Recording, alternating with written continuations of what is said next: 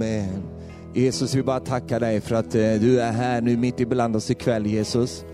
Vi välkomnar dig Herre och vi tackar dig Jesus att du alltid bär någonting fräscht till oss Herre. Du ger oss eh, ett ord i rätt tid Herre och du möter med oss Jesus på så många olika sätt. Vi tackar dig för det Herre. Finns det någon ikväll Herre som inte ännu har lärt känna dig Jesus så ber vi dig att en sådan skulle bara få känna att det finns en väg till dig också Herre. Jag tackar dig för det Jesus och prisar dig i Jesu namn.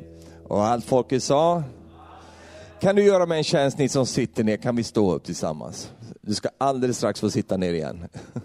Det, så, det var så konstig publik, va? några stod och några satt. Så vi, vi gör det på det här sättet. Nu kan du få vända dig om till den som står jämte dig, så säger du så här, min älskade vän. Du måste veta en sak om mig. Att jag är inte den jag borde vara. Men du måste veta en sak till att jag inte heller är den jag brukade vara. Jag är under förvandling.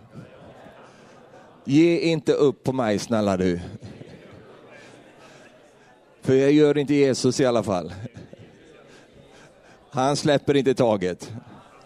Och jag ber att inte du gör det heller. Kan jag be dig om en tjänst min vän? Ta inga kort på mig nu. För det där kommer ändra på sig. Och allt folket sa, Amen, underbart. Nu får du kanske krama dem också, sen får du sätta dig ner sen.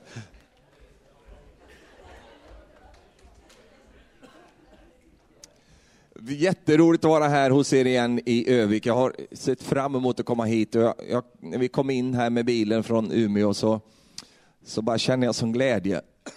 Det var, väl inte, det var väl inte bara på grund av Andreas, han, det gör man ju alltid när man är med honom. Men eh, det var en känsla av att det är gott, halleluja. Och, och jag tror att Gud har någonting härligt för oss allihopa. Och det är så härligt att ha en förväntan ställd till Herren. Eh, när vi ställer vår förväntan till människor, ja då vet du hur det blir. Eh, det, det, blir inte som det var tänkt. Men om vi ställer dem upp till Gud, så blir det så mycket bättre än vad vi hade tänkt. Amen. Och eh, det är härligt. Och nu har jag fått instruktioner om att det är ett ungdomsmöte ikväll och jag funderar medan jag tittar på publiken här hur den där ungdomsfördelningen såg ut. Men eh, halleluja. Men det är okej. Okay. Men jag, jag, känner att jag vill bjuda ikväll på att tala till ungdomarna. Och då förstår jag ju det, att du har ett ungdomshjärta så du förstår det här också. Och du bär det här inom dig. Det här är ingenting som är bara för unga människor utan det här är för alla människor eh, som lever på jorden idag. Eh, och, eh, så att det, det, det, passar oss allihop, inte minst mig. Eh, så, men jag vill ändå rikta mig till de unga här. Jag vill ge dem den, det är ju deras kväll ikväll.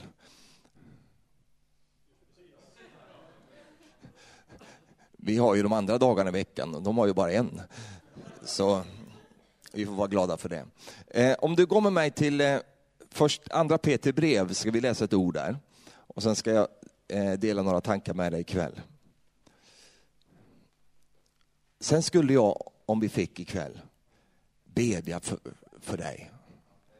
Lägga, vad då för, säger du? Men bara få be för dig och välsigna dig. Och det gäller inte ungdomarna bara, utan det gäller varenda en här som vill ha förbön. Så ska vi ta det tillfället. Så det vill vi gärna använda tiden till också. Eh, Petrus han talar så här i andra Petrusbrev.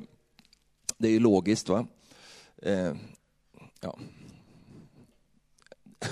Det är ju inte Paulus alltså, utan det är Petrus. Va? Eh, men det behöver vi inte fastna vid. Utan det är Guds ord. Då, Och vi ser här då i kapitel 3, Petrus har precis talat det här om med att eh, Herren han, han uppfyller sitt löfte Eh, och eh, han talar om det här som har med det vi faktiskt är mitt inne i just nu. Han talar om den yttersta tiden, vad som ska föregå den och han talar om en mängd olika saker och det gjorde både Petrus och Paulus och Jesus. De talar om de här sakerna. Eh, och det är väl mer aktuellt än någonsin. Eh, inte minst för dig som är ung, att förstå vilken tid vi lever i. Och eh, ikväll vill jag dela några tankar till dig angående det. Eh, och då säger Petrus så här i vers 11, ett intressant ord. Han säger så här, då nu allt detta går mot sin upplösning, hur heligt och gudfruktigt ska ni då inte leva? Det var så kort den versen så jag läser den en gång till. Då nu allt detta går mot sin upplösning, hur heligt och gudfruktigt ska ni då inte leva? Jesus, nu ber vi att du ska visa oss ditt ord ikväll, Herre. Eh, att att ur ordet, Herre, kommer både visdom och kunskap och, och hjälp till oss. Vi tackar dig för det. Amen. Jag vill cirkla in mig själv på det här ordet upplösning. Jag vet inte vad du vet om mig. Eh, många saker du vet om mig, att jag är väldigt muskulös och sånt där som du kan se på utsidan. Eh, det förstår jag ju. Eh, och många av er känner mig mer och så där har följt, vi har följt varandra i många år. Eh, och du vet lite grann om mina intressen och du vet mycket. Men jag tror att det är en sak du inte vet. Eh, tror jag inte i alla fall. Du vet inte att jag är limexpert. Va? Jag, jag, jag, jag, hävdar med bestämdhet att jag är expert på ganska många saker. Eh, finska till exempel, det är jag ju proffs på. Det vet ni ju alla. Och sen är jag också proffs på lim. Jag är en sån där limperson. Va? Jag limmar allt möjligt. Va? Eh, och eh, jag, jag letar reda på lim som, som du inte ens trodde fanns. Va? Eh, därför att jag gillar inte när saker flyttar på sig. Jag limmar fast glas, jag limmar fast eh, burkar, sätter fast dem på väggarna. Därför att eh, jag vill inte att det, det där ska försvinna. Så ibland hör jag Marie ropa till mig, och säger, Stefan, har du varit här och limmat den här nu? Det går ju inte att ta bort den här. Jajamän, då vet jag att den finns där, då är den kvar och väntar på mig det finns ingenting som inte jag vågar ge mig på att limma. Jag, jag, är väldigt frimodig alltså när det gäller det här med limmandet. Och jag har ju lärt mig genom min, min liksom limkarriär, så jag har lärt mig eh, liksom limmets natur och limmets förmåga och och jag har googlat på detta och jag har varit i alla olika typer av butiker och, och hittat alla möjliga limvarianter som man kan använda. Långsamt lim, snabbverkande lim, eh, och, och, och, eh, tvåkomponentslim och trekomponents och fyrdimensionellt och alla möjliga typer av lim. Jag sa ju som du inte ens trodde fanns, va? men jag har ju varit där och, och, och forskat i det här, för jag gillar det här med lim. Jag gillar när saker håller ihop. Jag tycker inte om när saker är skakiga. Om det börjar skaka min bil, fram med lim tuben, va, så trycker vi in någonting där så det blir stilla och lugnt i bilen. Eh, nu har jag eh, liksom visat dig lite grann om en sida av mig som du kanske inte kände till. Och jag gillar den tanken därför att eh, det finns någonting med det där ordet upplösning. Om du tänker dig ett lim som förlorar sin förmåga att eh, vara lim, det går ju att lösa upp lim. Du kan eh, använda kemikalier, du kan eh, till exempel ta hetta under limmet och så vidare. Så kan du lösa upp lim. Eh, och eh, då förlorar ju limmet sin, sin, funktion och sin förmåga. Och det finns saker och ting som i tillvaron, i människas liv, limmar ihop människan och gör att en människa håller samman. Och det vill jag titta med dig, tillsammans med dig här ikväll. Eh, Petrus säger så här, att vi, vi går in i en tid där saker och ting går till sin upplösning.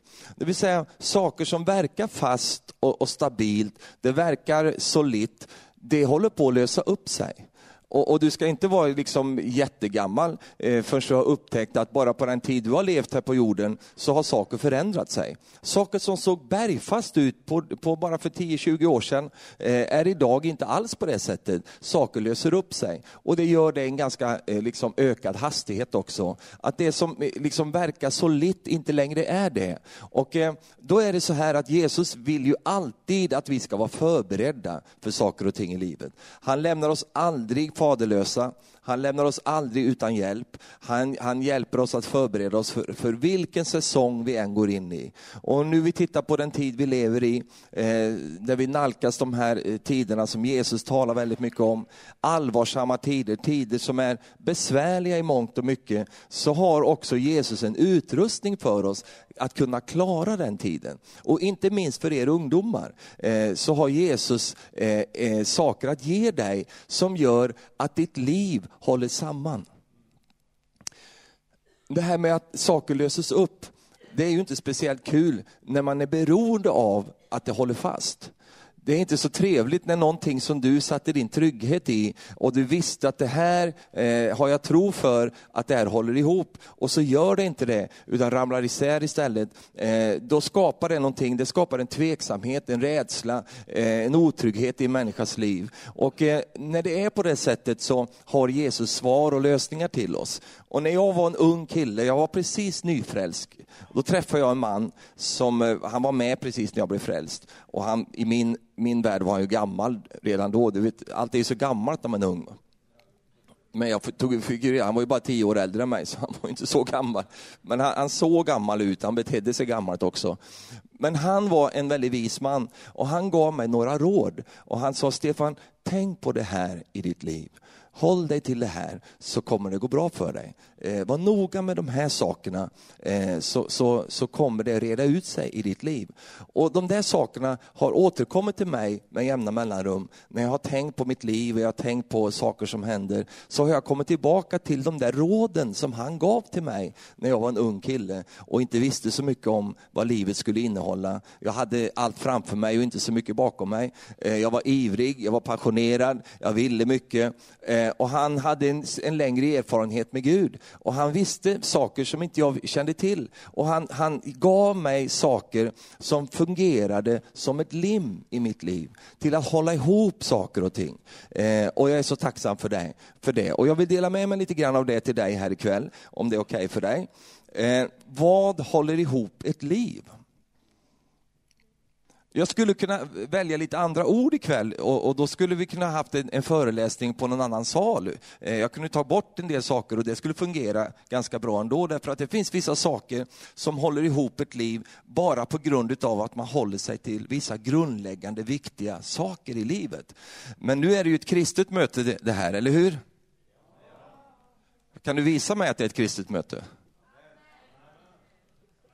Kanske något halleluja också? Lite pris för Gud där nere i hörnet. Och lite karismatiska händer. Amen. Ja, vi har alla uttryck så att jag känner mig säker vad vi har för grupp här ikväll. Alltså, eh, så nu har vi ett, ett, ett kristet möte eh, med ett, eh, ett bibliskt budskap och eh, det här budskapet det hittar du själv. Och allt det jag säger nu, jag ska ge dig fyra saker som håller ihop ditt liv och tjänar som lim för dig, eh, håller, håller samman din tillvaro. Och alla de sakerna skulle jag egentligen kunna säga, det är Jesus. Men bara för att eh, säga något annat än det, så säger jag det här. Men du kan tänka så här, ja, har jag Jesus så har jag det här. Lever jag med Jesus så lever jag så här. Det här är, Jesus är sån här. Och, och det är hans karaktär, det är på det sättet han fungerar. Eh, och vi ska läsa först ett annat bibelord också i första Johannes brev kapitel 1 och vers 6. Ska vi säga, eh, ska vi börja här i vers 6. Om vi säger att vi har gemenskap med honom och vandrar i mörkret, så ljuger vi och handlar inte efter sanningen. Men om vi vandrar i ljuset, liksom han är i ljuset, så har vi gemenskap med varandra. Och Jesus, hans sons blod, renar oss från all synd. Om vi säger att vi inte har någon synd, så bedrar vi oss själva och sanningen finns inte i oss. Men om vi bekänner våra synder är han trofast och rättfärdig, så han förlåter oss våra synder och renar oss från all orättfärdighet. Om vi säger att vi inte har syndat så är vi honom till en lögnare och hans ord är inte i oss. Vad håller ihop ett liv? Nummer ett, sanning. De här råden, det är råd som jag fick när jag var nyfrälst och jag skickar dem vidare till dig ikväll. Och jag har försökt att leva, leva efter de här råden jag har inte alltid lyckats med det, men jag har återvänt till dem hela tiden och försökt att leva i linje med det så gott jag har kunnat. Och nu handlar det inte min vän att du ska vara fullkomlig. Det handlar inte om att du ska vara perfekt i de här sakerna. Men din strävan, om du tänker så här, så här vill jag leva, jag vill gå åt det här hållet. Då kommer du ha ett fundament i ditt liv som håller, inte bara nu när du är tonåring, utan när du blir gammal. Det kommer hålla hela ditt liv. Och eh, det första, kanske det främsta, nej inte det främsta, men en väldigt viktig, det är just det här att vandra i sanningen. Att älska sanningen. Den som älskar Gud älskar sanningen. För Gud är sanning. Jesus säger om sig själv, jag är vägen. Mm. Du är teolog.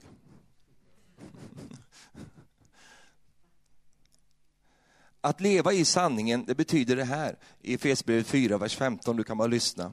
Vi ska istället i kärlek hålla fast vid sanningen och i allt växa upp till honom som är huvudet, nämligen Kristus.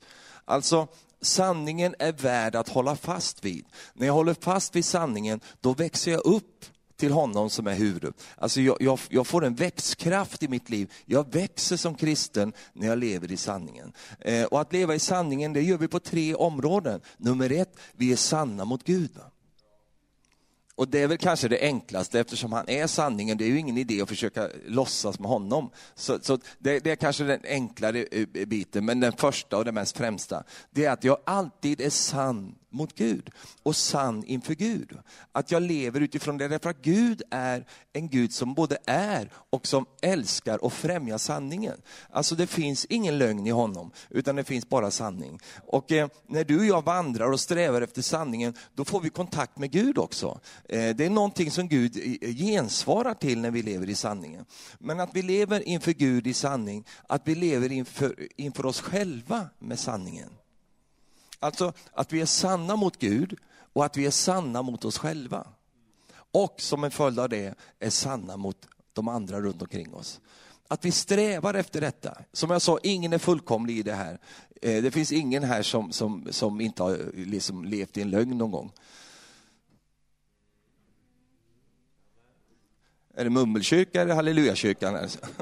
Det är klart vi har gjort det. Alla har dragit till en, en, en, en lögn ibland. Och det här är lite, därför att i vilken miljö lever vi med det här då? Vi lever i en miljö där allt går till sin upplösning. Idag är det inte populärt att leva i sanningen. Idag är det ju inte ens, liksom, ska vi säga, man tjänar inte på det, att leva i sanningen. Man tjänar nästan tvärtom på att inte leva i sanningen. Och, och, och vi, vi, behöver inte gå så långt förrän vi upptäcker det i, i, i samhället. I, i, eh, liksom, eh, bland politiker, eh, överallt runt omkring oss är det som att det är okej okay att ljuga. Det gör ingenting, det är inte så farligt att, att dra till med en lögn.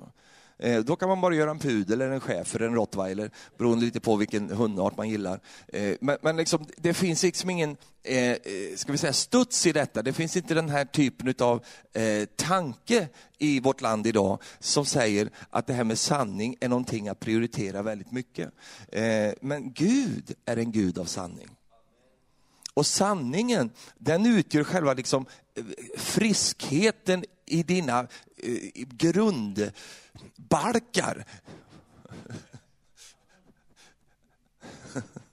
Jag kommer inte på något bättre ord. Det är, liksom, eh, det är det som gör att livets byggnad kan bestå i ditt liv. Och, och, Därför är det så viktigt att leva efter detta och att älska detta. Att sträva efter det här, att jag vill vara sann. Va?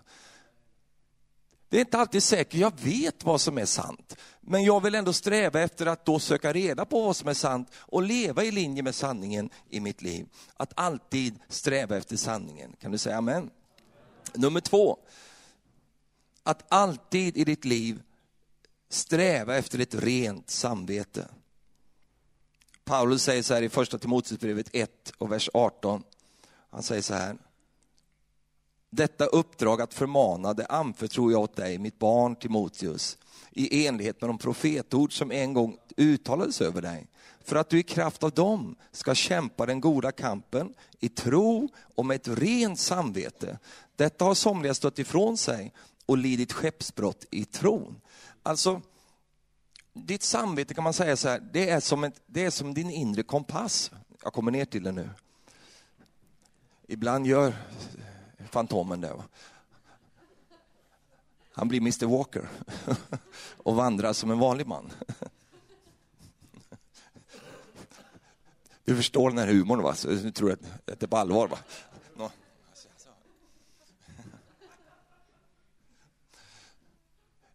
Jag har en kompis, jag vill inte säga vad han heter för han är här och predikar ibland. Så jag säger inte, ingen nämnd, ingen glömd han, eh, han, han, han liksom var en sån här privatflygare va, som flög med privatplan. Och nu närmar vi oss kunskapen om vem denne man är. Och eh, vi börjar sortera direkt, vem kan det här vara? Liksom.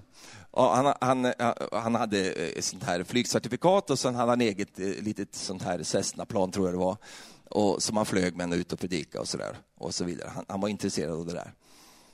Och en gång var han, jag var inte med då, men en gång var han med någon annan kompis och då var de i Stavanger i Norge och hade möten. Och då så skulle de flyga hem då till Bromma, för man flyga då med en privatplan. Då ska de flyga hem till, till eh, Bromma. Och så när de lyfter då, och så anropar de tornet. Nu kan inte jag alla de här teknikaliteterna runt det här, men något sånt här låter det då. Så anropar de tornet och så säger tornet uppge position och, och, så vidare och så får de svara på det. Och då säger han, vi är så och så, vi har den och den graden eh, och så vidare. Och så säger tornet tillbaka, eh, ja men du ligger en grad fel. Så. Och min kompis då, som är också många andras kompisar, eh, han sa, svarade tillbaka, ja, så är det bara en grad? Ja, men det är inte så farligt, det är ju inte mycket på, det syns ju knappt på den här givaren här. Så det kan vi väl köra med, tyckte han. Och då säger jag, det kan du göra, säger tornet då. Men då kommer du inte till Bromma, utan då kommer du till Haparanda. Va? Och det där har följt mig sen jag hörde han berätta det där och tänkt på det, vad en grad kan ställa till det. Va? Alltså bara en liten förskjutning. Va? Alltså när vi, när vi lyfter med detta, detta plan eh, så, så, ser du, du ser terrängen runt omkring dig, du märker, ja det där kyrktornet där känner jag igen och så vidare. Och, och det ser så bra ut där i början och det, det verkar inte vara så dramatiskt det här, utan det funkar ju ganska bra det här. Eh, men efter ett tag så, så slutar man känna igen landskapet och man funderar över, det var väldigt, vad, vad mycket snö det var i Bromma. Och otroligt liksom, inga, eh, och mycket, inga, mycket trän och, och jag vet inte exakt hur det ser ut där uppe, men, och renar springer omkring i Bromma, det är ju otroligt här alltså. Jag känner inte igen mig här. Alltså, en människa som, som börjar kompromissa med sitt samvete, en sån människa förlorar sin inre kompass. Och det är inte så dramatiskt i början, men det kan bli väldigt dramatiskt efter ett tag. Och det är därför som du aldrig någonsin, och jag aldrig någonsin, ska köra över vårt samvete aldrig säga, jag gör det här i alla fall, trots att jag har en, någon som säger här inne i mitt hjärta, gör inte det där, så gör jag det i alla fall. Därför att första gången, då är det jobbigt. Andra gången är det mindre jobbigt. Tredje gången jag gör det så känner jag det knappt. Fjärde gången, femte gången, så har jag ingen röst där inne längre som talar om för mig att det här är, är fel, därför att eh, jag har förlorat kompassen. Därför har de lidit, lidit skeppsbrott i tron. För att de har liksom eh, valt bort det där. Det var inte så viktigt. Det var så mycket annat. Det är väl okej, okay. det gör väl inte så mycket. Alla andra gör ju det här. Det är väl inte så farligt. Det, det, det är väl inte så dramatiskt. Nej, det är inte så dramatiskt idag. Det är inte ens dramatiskt imorgon. Det blir inte dramatiskt nästa år heller kanske. Men det blir dramatiskt om ett tag. Det blir Haparanda istället för Bromma. Nu är det inget fel på Haparanda.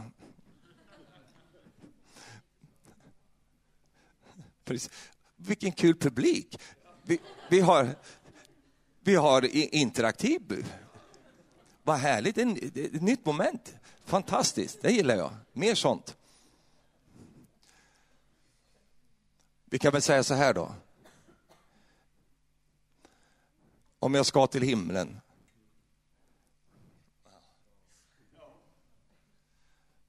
Så kan jag ju inte ha min kompass inställd på något annat håll.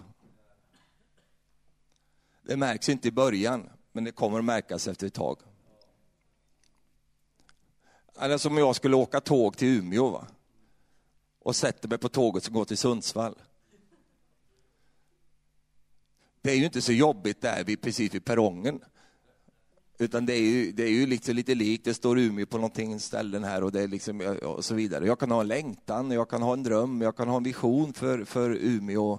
Jag kan till och med ha en karta med mig. Men jag går på fel tåg. Det går inte till Umeå, det går till Sundsvall. Och jag kan inte göra någonting åt det. Jag har en hel predikan som handlar om det. Tåget går dit spåren leder. Det är ju superstark. Kostar 530 000 kronor att köpa där ute.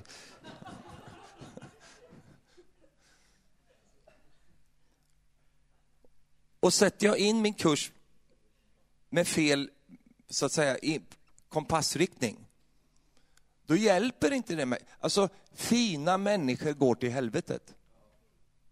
Bra, välmenande, hjärtliga, skattebetalande.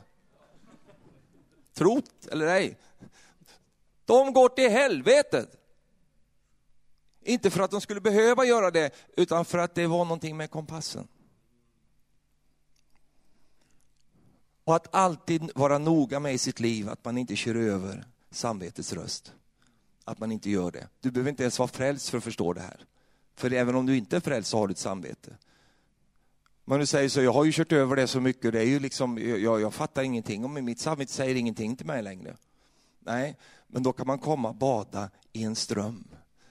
Man kan renas, man kan få ett rent samvete. Och är det någonting som är en kristen människas rättighet, det är att få leva med ett rent samvete. Att ha ett samvete som vittnar med mitt liv. Att ha ett samvete som säger, Stefan du är på rätt väg, fortsätt med det här. Jag har ett samvete som bara eh, uppmuntrar och säger, bara, keep on, gå den här vägen, det är kanon. Visst, det är jobbigt, men det är något eh, bomullsskönt på insidan som säger och bekräftar, det här är så rätt, gör det här. På samma sätt som när man börjar nalkas någon, någon, någon liksom sidoväg så känner man att samvetet bara alarmerar på insidan och säger gör inte detta Stefan, gå inte den vägen, det är inte bra för dig, gör inte detta. Och, och då när, när, om vi har lärt oss då att följa samvetets röst så kanske vi förlorar kortsiktigt, men vi vinner livet. Vi håller samman vårt liv genom att vi lever på det sättet. Du förstår, du, du behöver inte vara hjärnkirurg för att förstå hur man ska leva. Du kan vara en enkel bondpojk från Övik. Du kanske inte tror mig. Du kan vara, du, det, man behöver inte vara så otroligt kunnig om allting, utan man behöver bara vara kunnig om det man ska vara kunnig om. Och en av de där sakerna, det har, det har att göra med det jag säger nu. Vandra i sanningen, var rädd om ditt samvete, kompromissa inte med det i ditt liv, för det kommer att rädda livet på dig efter ett tag det som är så härligt med samvetet, det är det att när vi är uppriktiga och ärliga, alltså, bara du är det, om du är uppriktig och ärlig, då kan du till och med gå fel. Och det gör inte så mycket, därför att då har Gud en förankringspunkt i ditt liv. Han har en möjlighet att koppla med dig, en krok så att säga, till att dra dig rätt igen. Därför att det du gjorde, det gjorde du i en uppriktighet och i en ärlighet. Och du kanske fattade ett, ett beslut som kanske inte var helt okej, okay, inte helt rätt, du gick en väg som inte var... Det har vi alla gjort.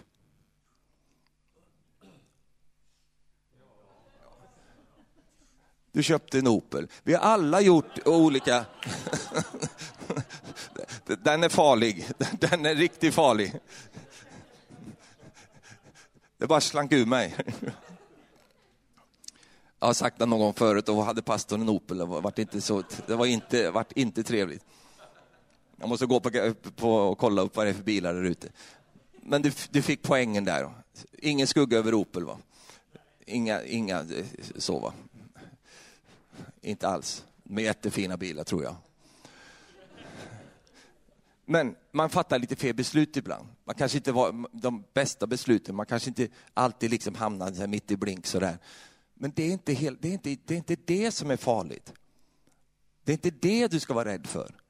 Utan vad du ska vara, vara försiktig med i ditt liv, det är att du inte ödelägger den här finmekaniken som finns på insidan av dig. Den där som är så känslig. Den där som, som, som är så eh, lätt att förstöra.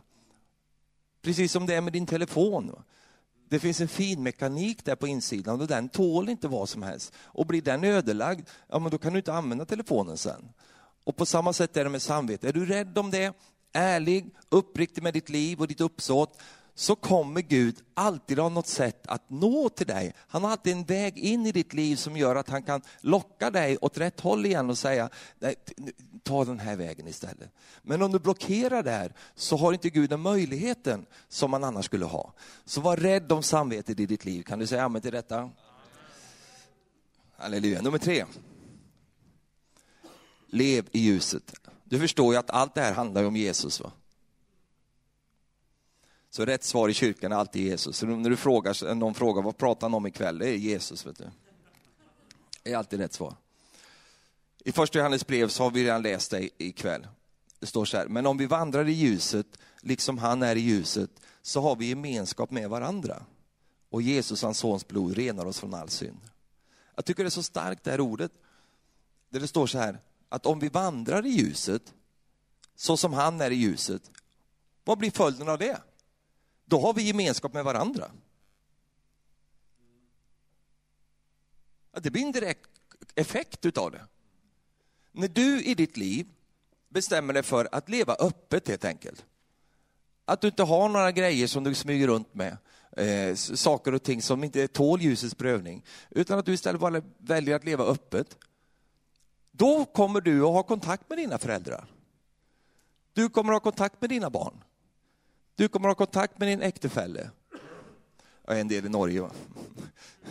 Äktefälle. Jag är språkgeni. Ja, ja. Du kommer att ha kontakt med din partner därför att du väljer att vandra i ljuset.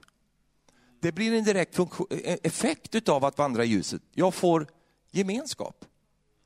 Och det där ordet gemenskap, det är ju det grekiska ordet koinonia. Och, och det, själva grundbetydelsen av koinonia är delaktighet.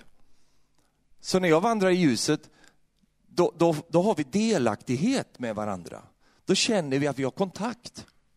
Alltså att vandra i ljuset, det handlar ju inte bara om att liksom man, eh, eller rättare sagt vandra i mörkret, det handlar ju inte bara om att jag vandrar i synd. Va? Att jag liksom gör massa, eh, eh, liksom eh, smyger runt och sniffar lim liksom när ingen tittar på mig.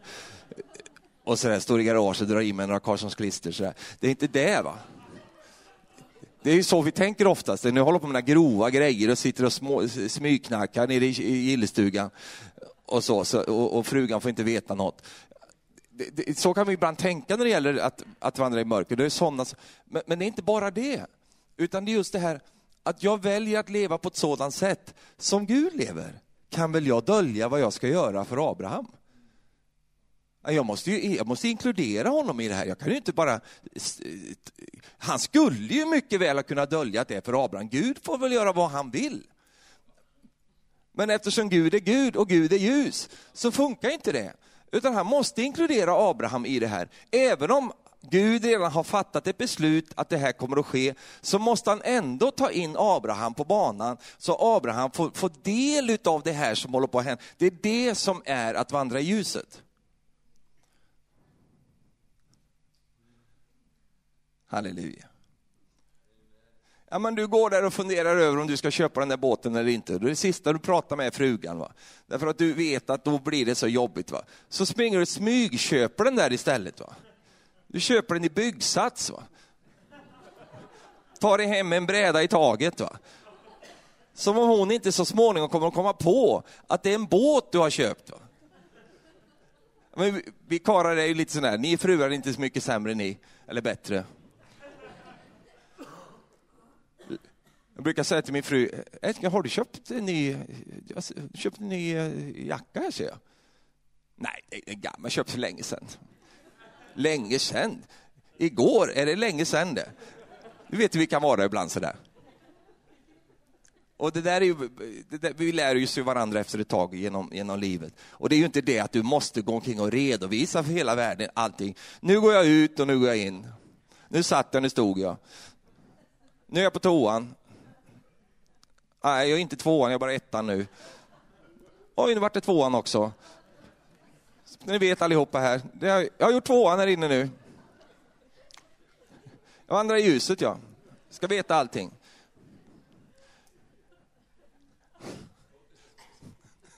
Ja, ja, det är som Facebook. Nu har jag ätit.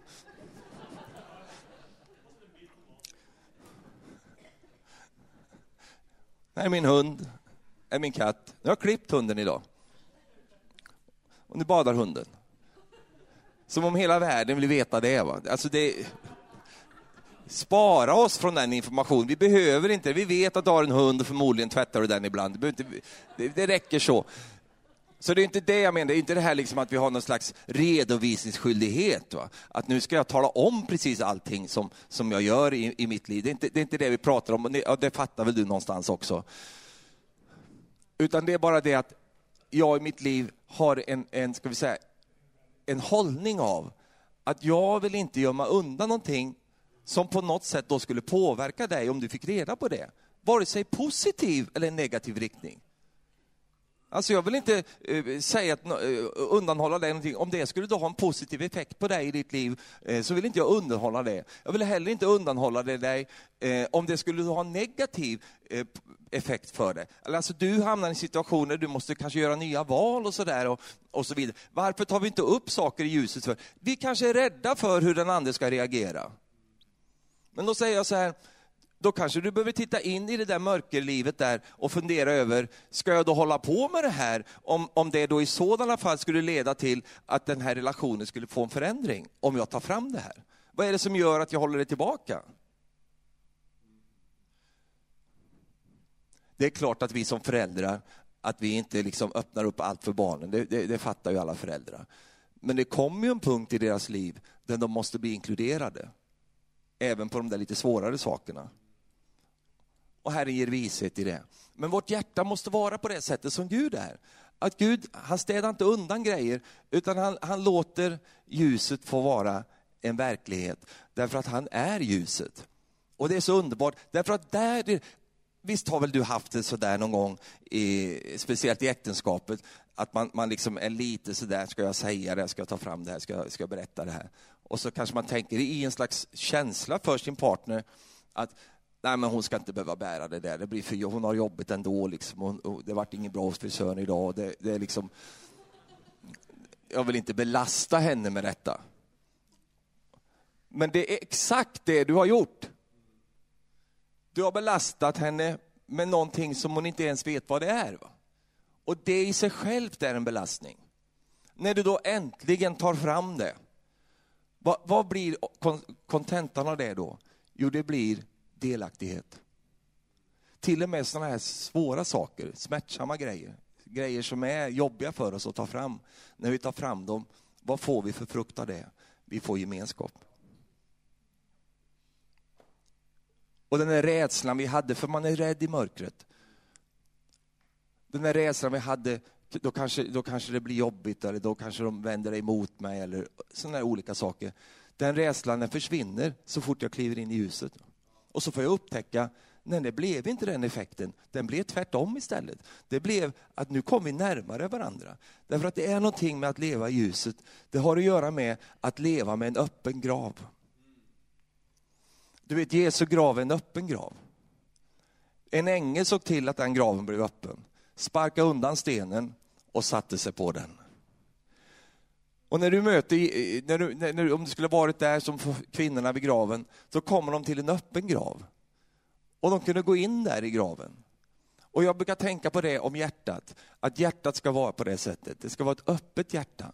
Det ska inte vara en stenbumling som ligger där framför, som, som liksom talar sitt hårda språk, utan det ska vara öppet där. Och du säger så här, men då blir jag ju sårbar. Ja, det är sårbart att leva med ett öppet hjärta. Men i, i min värld i alla fall, som jag har kommit fram till, det är för mig det enda alternativet. Därför vilket annat liv ska jag leva? Jag vet att många människor, inte minst ute i världen, de ser inga andra alternativ än att ha en stor sten framför, framför hjärtat. Därför att de har blivit sårade någon har gått in och, och, hanterat det där som de såg in i hjärtat på ett felaktigt sätt. Men det är skillnaden med det här, min vän, att leva som ett kristet liv med ett öppet hjärta, det är, det satt en ängel utanför graven. Och det sitter en ängel utanför ditt hjärtas öppna dörr.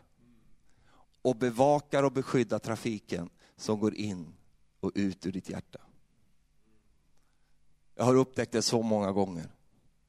Du förstår att när en människa öppnar sig och kommer fram i ljuset och när någon annan människa, du eller jag, får förtroendet att titta in i en annan människas liv på det sättet, i en annan människas hjärta.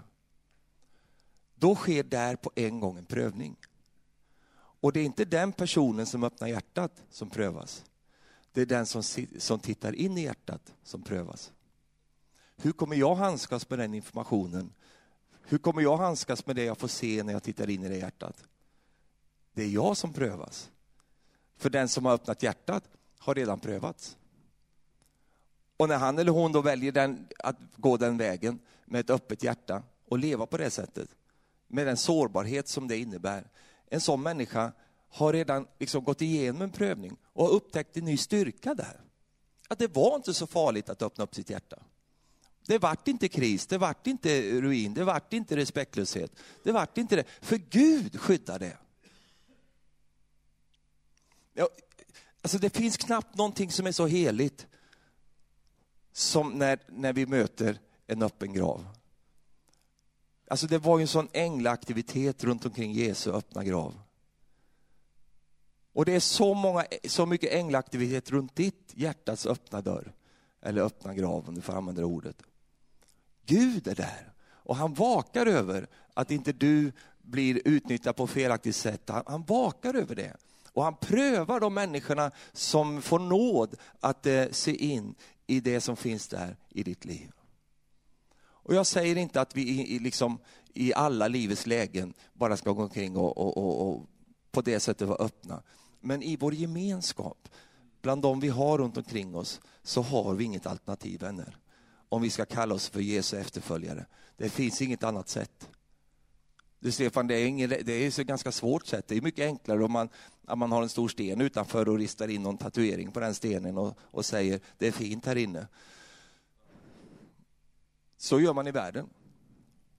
Och då kallas det för ytlighet. Därför att det är skillnad på att vara vänlig och vara hjärtlig. Det är många eh, som är vänliga i världen. De är jättevänliga, de är professionellt vänliga. Trevliga, de har gått kurser i sånt.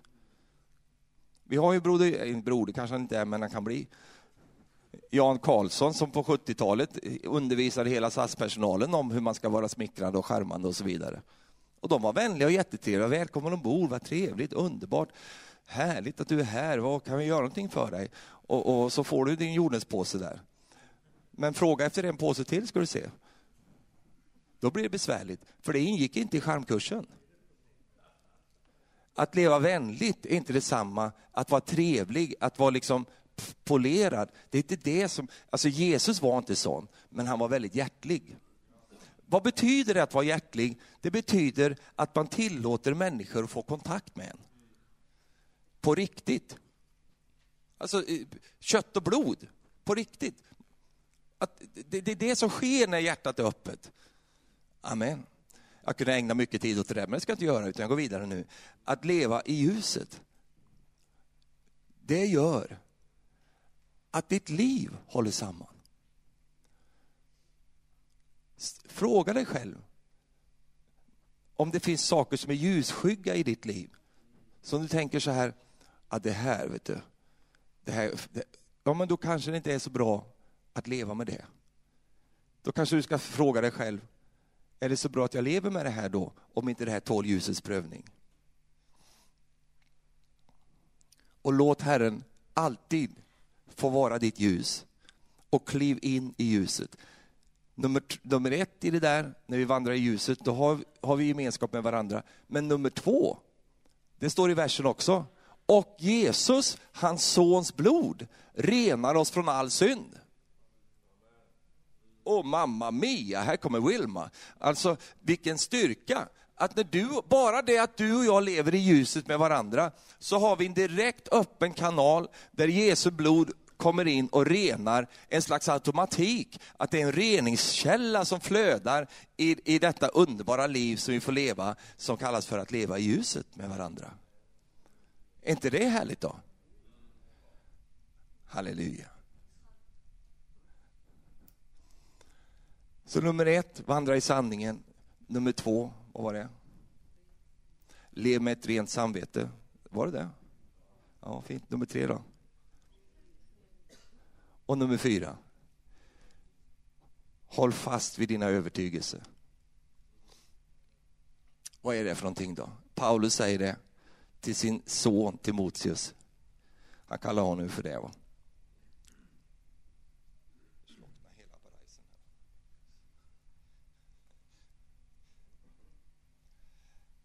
Paulus säger så här.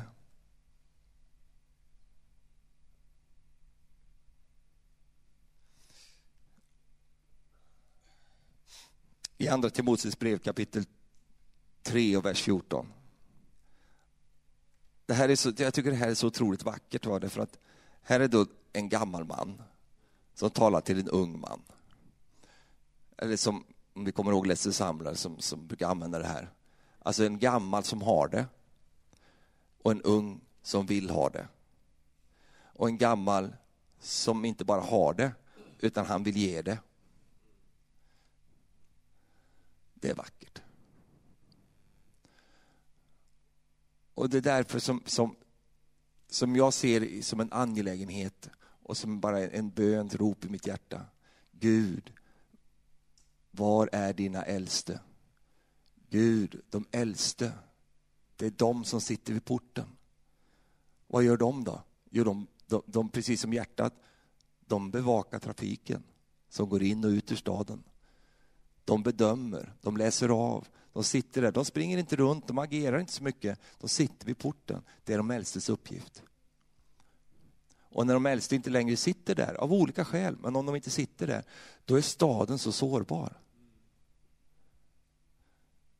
Paulus, en äldre man, lämnar över till Timoteus. Vad ger han honom då? Och han säger, håll fast vid det som du har lärt dig, Timoteus, och blivit överbevisad om. Du vet ju av vilka du har lärt dig det. Och du känner från barndomen de heliga skrifterna som kan göra dig vis. Så att du blir frälst genom tron i Kristus Jesus. Hela skriften är utandad av Gud, nyttig till undervisning, till bestraffning, upprättelse, fostran och rättfärdighet, för att Guds människa ska bli fullt färdig, väl rustad till varje god gärning. Håll fast vid dina övertygelser. Håll fast det, vid det du har lärt dig. Håll fast vid det. Du säger, men Stefan, jag har inte lärt mig så mycket, men något har du väl lärt dig? Och det är ju som är så underbart med Guds ord, det är att det är lika aktuellt imorgon. Alltså, Guds värderingar, Guds ädelstenar, Guds övertygelse som placerade i ditt hjärta genom ordet, de är alltid rätt. Alltså det finns saker i ditt liv som inte alltid kommer vara rätt. När jag tog körkort, det var ju länge sedan, Sen har jag blivit av med det många gånger, djävulen har tagit det ifrån mig, men jag tog tillbaka det.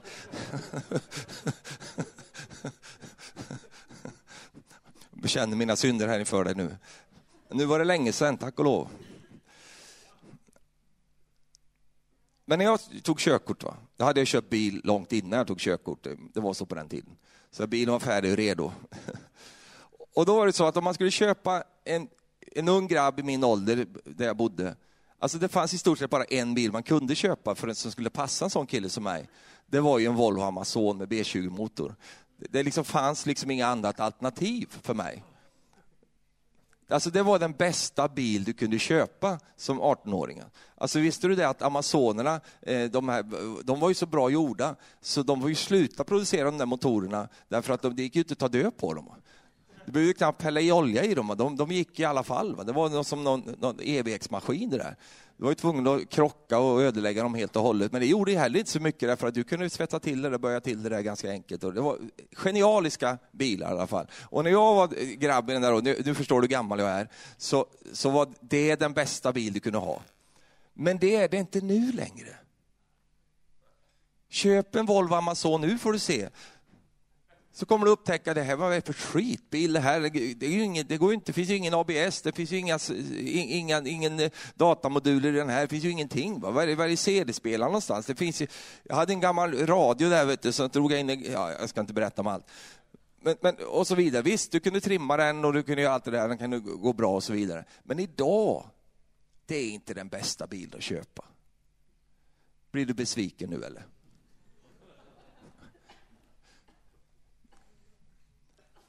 Idag när du fyller 18 år och ska köpa bil, så finns det andra bilar. Och jag vill bara säga det här för att säga det här.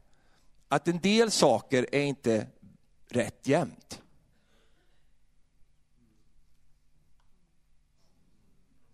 Det är rätt ibland. Va? Och det är rätt för en viss tid. Va? För några år sedan, den bästa mobiltelefon du kunde köpa, så var ju det en iPhone.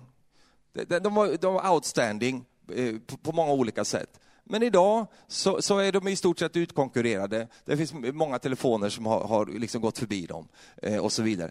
Eh, om du hänger fast vid sådana saker, då blir du bara en tråkmåns till slut, va? som inte kan ringa ett samtal. Va? Därför att eh, du ska ringa från din gamla liksom, ur-Nokia där som du hade på den här eh, Ericssons den här hotline som fanns med en sån här liten väska man bär omkring som man kan ringa i, ringa i tio minuter och så fick ladda upp den i två dagar sedan.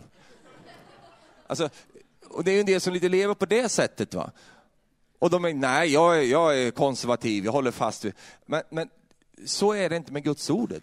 För Gudsordet är alltid aktuellt. Va? Gudsordet är alltid fräscht. Va? Det är inte så att Gudsordet blir som en gammal Amazon eh, som inte går att leva efter, som inte går att använda, som inte fungerar, går aldrig igenom en besiktning överhuvudtaget. I och för sig du behöver vi inte besikta dem längre när de är i den här åldern. Men, men alltså, det, det, är inte så med Gudsordet. Va? Det är så djävulen vill framställa det, att vi blir någon slags eh, amish-folk som, som, som rider på hästar och liksom håller fast vid någon gammal tradition eller något, något beteende som tillhörde en viss tid. Det gör inte vi. Vi lever med Guds ord som är för alltid evigt och för alltid fräscht och är, är liksom eh, manna och, och vitalt i varje generation. De här värderingarna som vi talar om, de är tidlösa. Halleluja värderingar som kommer från Guds ord, som, är, som ska säga, summerar upp dem ifrån, runt tio budorden och, och, och som, eh, som sen får sin sprängkraft i nya förbundet med det Jesus har gjort. Eh, och allt detta med, med, som har med utvecklingen som vi ser i Guds ordet. Hela skriften är utandad av Gud. När vi liksom har det som ett fundament i våra liv och håller fast vid det, Inget behöver dras ifrån, ingenting behöver läggas till. Vi bara har det där. Så är det fräscht och friskt och du kan leva med det hela ditt liv utan att du går, liksom, eh, blir omodern på något sätt. Utan du är alltid supermodern. Halleluja. Amen. Sen finns det andra saker som är jättebra om du ändrar på. Du kanske skulle ja, men byta den där skjortan. Du hade den, det är från 60-talet. Du kan byta. Sånt går att byta, det kan man ändra på kamma håret åt ett annat håll liksom och sådär. Byt tänderna och sätt in några andra modeller. Alltså det finns, sånt där kan man hålla på med. Och det är det här som är så märkligt, att en del de blir konservativa på sånt som är helt onödigt. Va? Det är inte det, vi, alltså vi är inga, nej, vi är inga bakåtsträvare på det sättet. Vi använder all teknik. Va? Vi, vi kan mer än de flesta, halleluja. Vi har det senaste i alla de här grejerna. Amen. Det är inte rätt för det för fem öre. Men vi har en urgammal underbar grund som vi står på. Och den grunden finner vi i Guds ord och vi håller fast vid dessa grunder som vi har lärt oss. Som vi var små, som vi var nyfrälsta, som vi har fått inpräntade i våra hjärtan. Det viker inte vi av ifrån. Gör vi inte det så har vi någonting som håller ihop våra liv för resten av våra liv. Kan du säga amen till detta?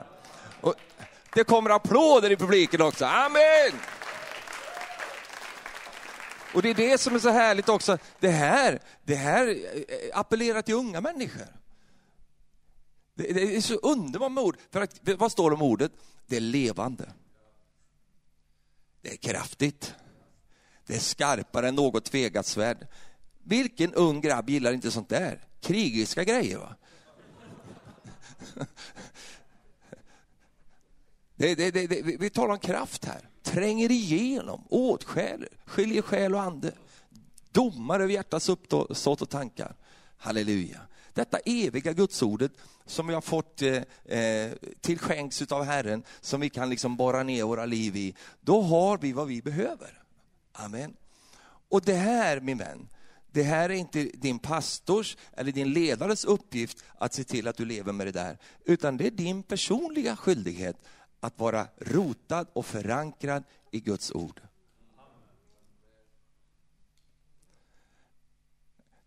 pastorn och ledarskapet och kyrkan och allt det här har ju en, en, en, liksom en skyldighet, en, en, en gåva många gånger att förmedla detta.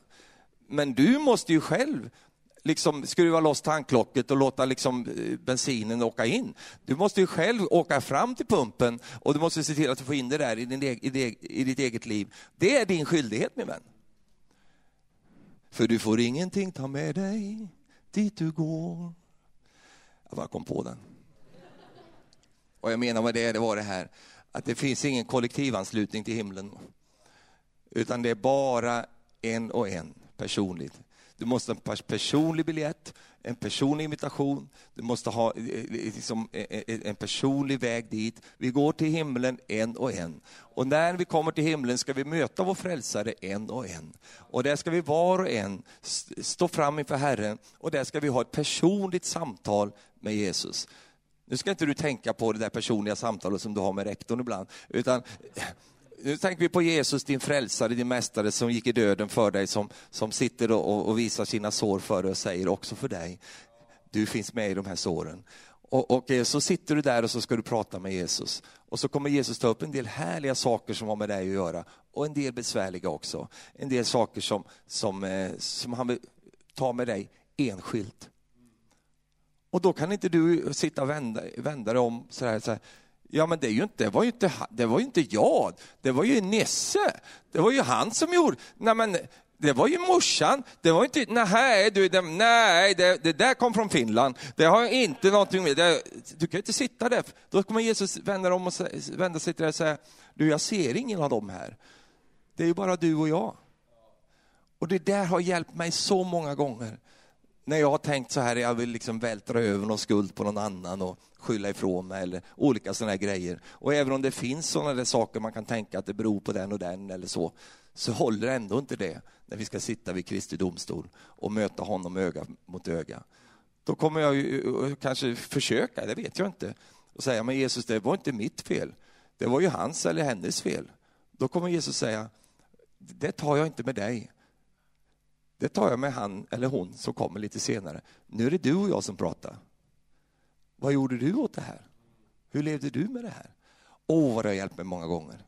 Att, att bara veta att den där dagen kommer där. Och då måste jag ju leva på ett sånt sätt att jag tar ett personligt ansvar för mitt liv.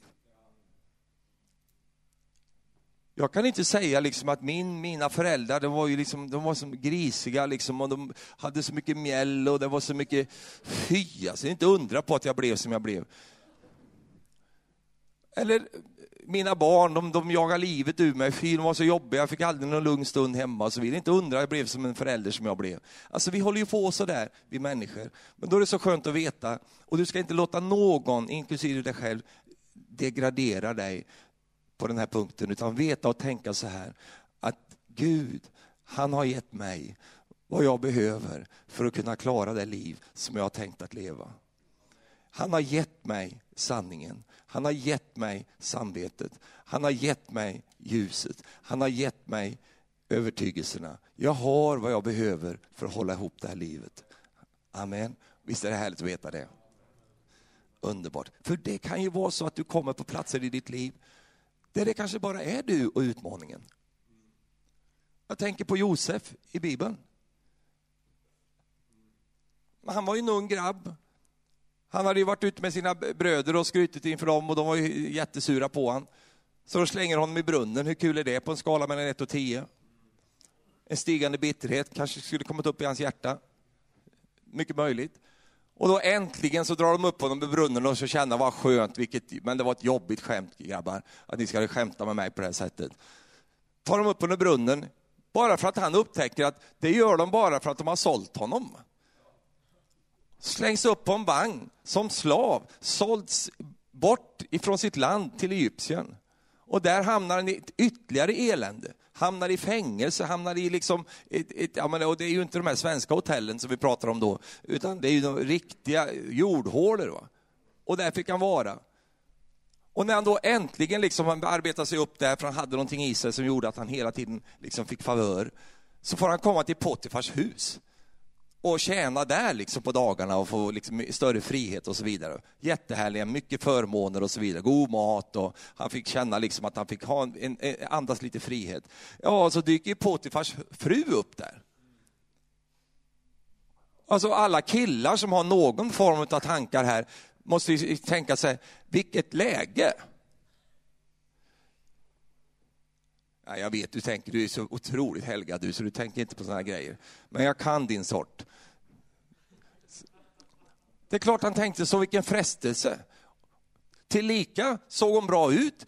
Och sen säger hon, ingen behöver veta det här. Vi gör det här bara du och jag. Vi hoppar i säng med varandra här. Men här kom en grabb, han är ju liksom, han blev förälskad i en damcykel som körde förbi där. Du vet ju, om du låg i lumpen så vet du hur det var när du var ute där i fält och det, det var ju, ja. Så han var väl i det där läget där. Så han hade ju ett sånt öppet mål. Va? Sa att vi gör det här så ingen får reda på det här, kanon. Och där mitt i den där frestelsen så säger Josef så här, du, aldrig att jag skulle göra det här och synda inför honom som ser allt. Oh, det, för mig det blir så respekt. Va? Där, han, där han bara har det där med sig. Vad hade han? Han hade kompassen. Han hade sanningen. Han, han levde i ljuset. Höll fast vid sin övertygelse. Vissa saker är rätt och vissa saker är fel. Och jag bara håller mig till det nu. Och då tänker ju någon så här, vad underbart, oj, oj, oj, nu fick han väl ut och predika hela landet och vilken tjänst han fick. Nej, tillbaks i fängelset, tack för den du. Men det satt en fridens man i fängelset. Det fanns en bevarad man i fängelset, det satt en, en intakt person i fängelset. Och det var ju bara en tidsfråga innan han blev landets räddare. Och faktiskt hela världens räddare. För det var ju hungersnöd över hela världen. Och han, han, kom ju så högt upp som man bara någonsin kunde komma. Och han räddade sin egen familj. Ja, du vet ju allt det där som hände. Vart avgjordes det någonstans då? Säkert där. På den där platsen den hade ett val att göra. Men på grund av att han hade något som höll honom samman.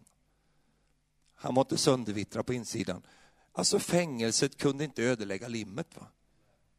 Plågorna kunde inte ödelägga limmet. För limmet, det är någonting som sitter på insidan. Det sitter inte i våra omständigheter, det sitter i våra, på, på insidan. Och det är därför som när du och jag lever på det sättet så har vi det som behövs i den där stunden. Så vi kan få möta olika saker i våra liv. Amen. Oh.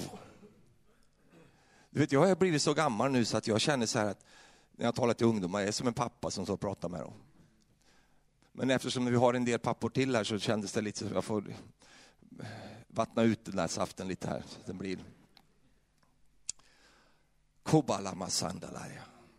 Du ska leva i, i den yttersta tiden och du ska leva starkt. Du ska vara som en Josef. Vet du. Halleluja. Du ska vara som en person som bara står där. Du behöver inte vara den vackraste i stan. Du behöver inte det. Ansök inte om det. Va? Nej, men titta dig själv i spegeln, det är hopplöst. Gör inte det. Utan och det behöver du inte. Halleluja. Du kan få en fin och vacker fru i alla fall. Ni har sett Marie. Du har sett mig. Beauty and the Beast. Alltså, alltså, det handlar inte om de grejerna. Gud, vet du, han kan ge dig vad du behöver. Världen söker efter alla de där grejerna. Världen kan man stava i ett enda ord, yta. Det är yta, det är tivoli. Det är liksom ett spektakel. Skrapa på den ytan för att upptäcka att det finns inte så mycket där på andra sidan. Guds församling är mer som en Noaks ark. Hur snygg var den?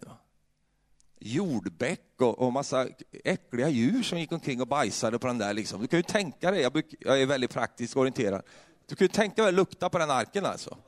Ja. Det var ingen glänsare Titanic som gled omkring där och liksom med aftonklänningar och, och, och liksom vals på kvällen och sådär. Ingenting sånt, utan det var skitlukt och det var... Men det var det som räddade världen. Det var det som gjorde att inte det här gick under. Och när jag tänker på församlingen och jag tänker på, på detta som kanske inte ser så väldigt häftigt ut, men som då Gud presenterar som världens hopp. Därför att det finns någonting där innanför som Gud har lagt ner. Sina ädelstenar. Han har lagt ner sina underbara saker som kommer att hålla tidens prövning och som kommer att göra att vi också kan ta med andra ombord på detta skepp och säga kom här, det här håller. Det kommer att hålla även om det blåser sönder här på, i jorden och i världen. Så, så församlingen kommer att hålla. Halleluja. Amen. Och det är därför som djävulen är så arg på församlingen alltså, slår på den, håller på och spottar på den och fräser åt den och så vidare. Och säger, kolla här, det är ju inte något... Om jag inte ledsen, nej. var det något jag sa? Men det finns en, en, en sån underbar styrka som växer fram inifrån. Halleluja. Amen. Nu har jag pratat mig glad här nu, så nu vi sa att vi ville bedja för, för, för er här ikväll och jag vill gärna att Thomas hjälper mig och, och Andreas och Maria hjälper mig och så jag var säkert fler också. Får vi lägga händerna på dig ikväll och bara välsigna dig. Bara att Gud skulle vara, beskydda dig, att han skulle få bevara dig. Att du skulle få nåd av Herren att, att ta de där riktiga valen. Att du, du skulle bara vara omsluten av Herren. Jag tror att vi har rätt att få be sådana böner. Amen. Att du får vara en sån person som, alltså det bara får hålla ihop med ditt liv. Att, att inte går sönder, att inte limmet förlorar sin, sin styrka i dig, utan att tvärtom att det blir än fastare ju längre du vandrar här på jorden. Amen. Ska vi stå upp tillsammans?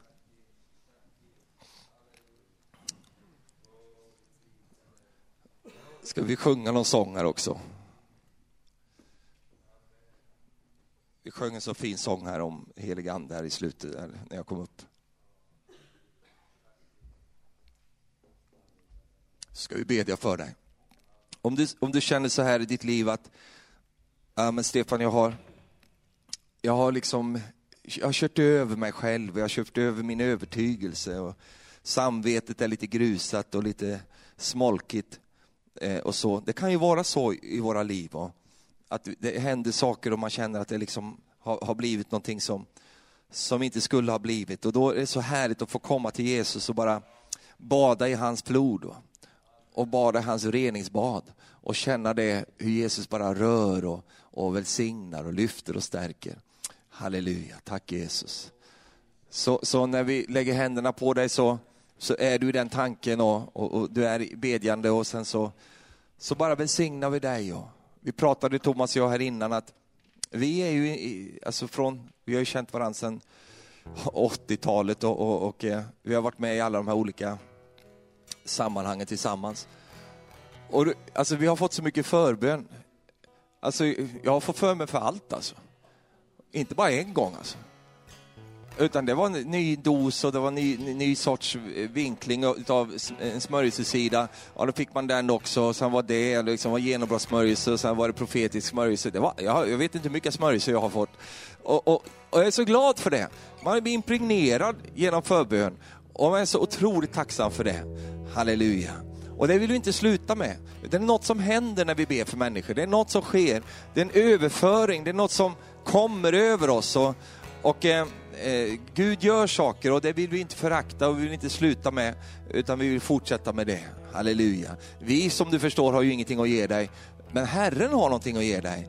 Och det är Herren som du ska ta emot ifrån här ikväll. Så Jesus, nu bara tackar vi dig att vi får ställa oss här i, i, i ditt flöde, Herre. Ställa oss i din ström, Jesus. Tackar dig Jesus för att du älskar oss så mycket, Herre. Att du vill bevara våra hjärtan, Herre. Du vill bevara våra liv Jesus. Du vill att limmet ska hålla Herre hela vägen, att det inte ska bli så eh, att det, det, det, brister på något sätt Jesus. Tack Herre för att du har gett oss vad vi behöver Herre för att klara det här livet. Vi tackar dig för det Herre, i Jesu underbara namn. Amen. Vi sjunger och du som vill ha förbön så är du välkommen fram här.